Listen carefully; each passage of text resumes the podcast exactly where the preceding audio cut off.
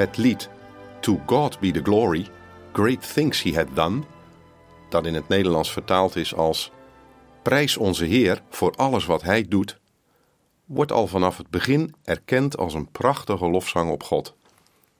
De Amerikaanse Fanny Crosby schreef het in 1875 en het werd datzelfde jaar gepubliceerd door Ira Sankey in de Britse edities van zijn toenmalige beroemde liedboeken. Frances Jane Crosby, die Fanny genoemd werd, is een van de grootste schrijvers van kerkliederen en andere geestelijke liederen.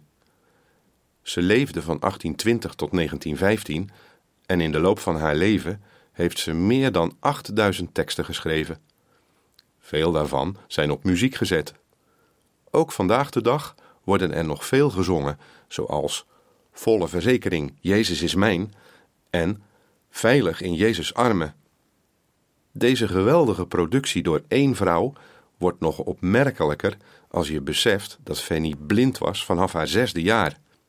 Ze heeft haar schepper en licht van de wereld meer dan tachtig jaar geprezen, zonder het werk van zijn handen ooit met eigen ogen gezien te hebben. Wat een geloof!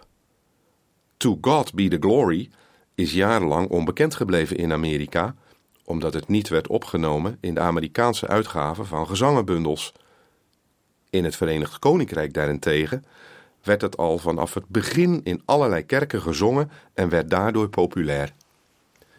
De doorbraak voor het lied in de VS kwam toen het voor het eerst door Cliff Barrows werd gebruikt in een evangelisatiecampagne van Billy Graham in Nashville in 1951.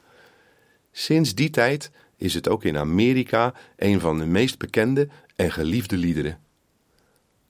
Allerlei aspecten van deze geliefde compositie geven aan dat het niet alleen een loflied is, maar ook een lied over de genade van God.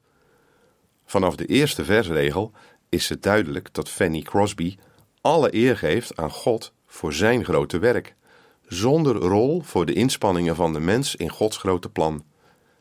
Ze schrijft grote dingen die Hij heeft gedaan. In het eerste couplet is het alleen Jezus die de levenspoort van de verlossing opent, zodat iedereen de kans heeft om gered te worden. Dat is een duidelijke boodschap van genade, in tegenstelling tot het idee dat de mens zijn waarde moet bewijzen voordat het eeuwige leven toegekend wordt. Het is echter in het tweede couplet dat Crosby de voorwaarde geeft voor toegang door deze poort: geloof en geloof alleen. De verlossing wordt aan elke gelovige beloofd. Johannes 3, vers 16 zegt daarover: Want zo lief heeft God de wereld gehad, dat Hij zijn enig geboren zoon gegeven heeft, opdat ieder die in Hem gelooft niet verloren gaat, maar eeuwig leven heeft.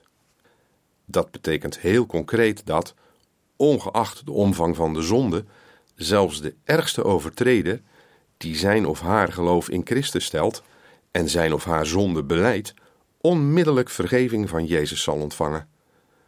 Dat geldt zelfs voor de grootste misdadigers, zoals de gekruisigde met Christus en Saul van Tarsus, die christenen vervolgde. Het derde couplet en het refrein van het lied leggen daar sterk de nadruk op en verkondigen dat het God is die grote dingen gedaan heeft. Hij is degene aan wie onze lof en aanbidding toekomen. Alle liederen van Fanny Crosby maken duidelijk dat ze het belang van Gods wonderbare genade en zijn verlossingswerk duidelijk begreep. Luistert u naar koor en samenzang vanuit de Walburgiskerk te Zutphen.